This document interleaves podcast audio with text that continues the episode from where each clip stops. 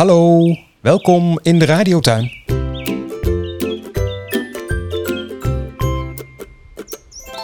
Ja, wat heerlijk joh. Die hogere temperaturen goed voor de radiotuin. Wendy vertelde vorige week over de laatste lockdownvogel. Want ja, de strenge lockdown is voorbij. Dus Wendy is nu ook eventjes voorbij, zou ik maar zeggen. Maar er is nog veel meer leven in de radiotuin. Insectenkenner Erik Mailleu, goedemorgen.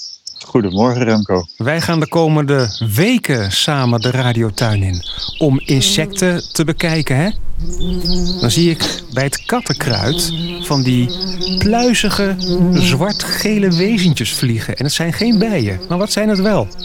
Ja, dat zijn, uh, dat zijn hommels onze, onze wollige vriendjes. Ik zeg altijd, hommels hebben eigenlijk een dikke jas aan. En dat, uh, dat is heel goed voor ze. Uh, en dat uh, is ook echt een typisch kenmerk van ze. Want die wollige jas die zorgt ervoor dat zij veel eerder en op veel koudere dagen feitelijk nog kunnen vliegen dan, dan al die bijensoorten die we kennen. Maar ik zie verschillende soorten. Ik zie grote hommels, ik zie kleine hommels in de radiotuin vliegen. Zijn er zoveel soorten dan? Ja, in Nederland zijn er sowieso ongeveer tien soorten hommels die er rond vliegen. Een tuinhommel, een akkerhommel, en een boshommel, een boomhommel. Je kunt er in je tuin uh, zeker, ik zou toch zeggen, een soort of vier uh, vrij snel spotten.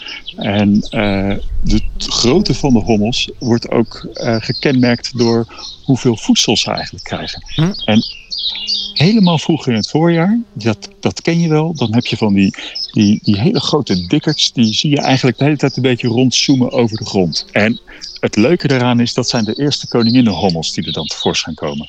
Die hebben dus overwinterd ergens tussen de blaadjes in een hoekje in je tuin. En die gaan op dat moment beginnen ze eigenlijk met het zoeken naar een nestplekje. Echt typisch de alleenstaande moeders. Zij moeten alles in hun eentje doen. Een klein nestje moeten ze dan bij elkaar kleien. Met wat, uh, wat nectar moeten ze verzamelen. Moeten ze eitje leggen. Vervolgens moeten ze die eitjes uitbroeden.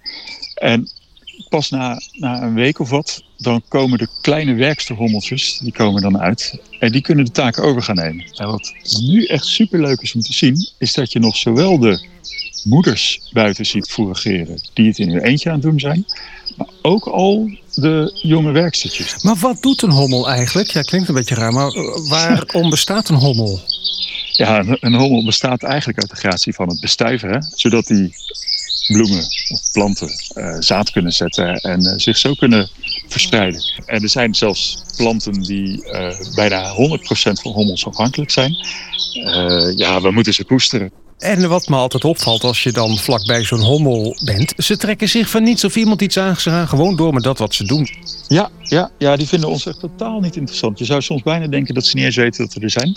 Ze kunnen wel steken, dat moet ik er absoluut bij zeggen. Maar dan moet je het echt bond maken hoor. En als ze gewoon rondvliegen door je tuin, nou, dan heb je er alleen maar leuke lollissen bij die, die gewoon om je heen aan het zoomen zijn.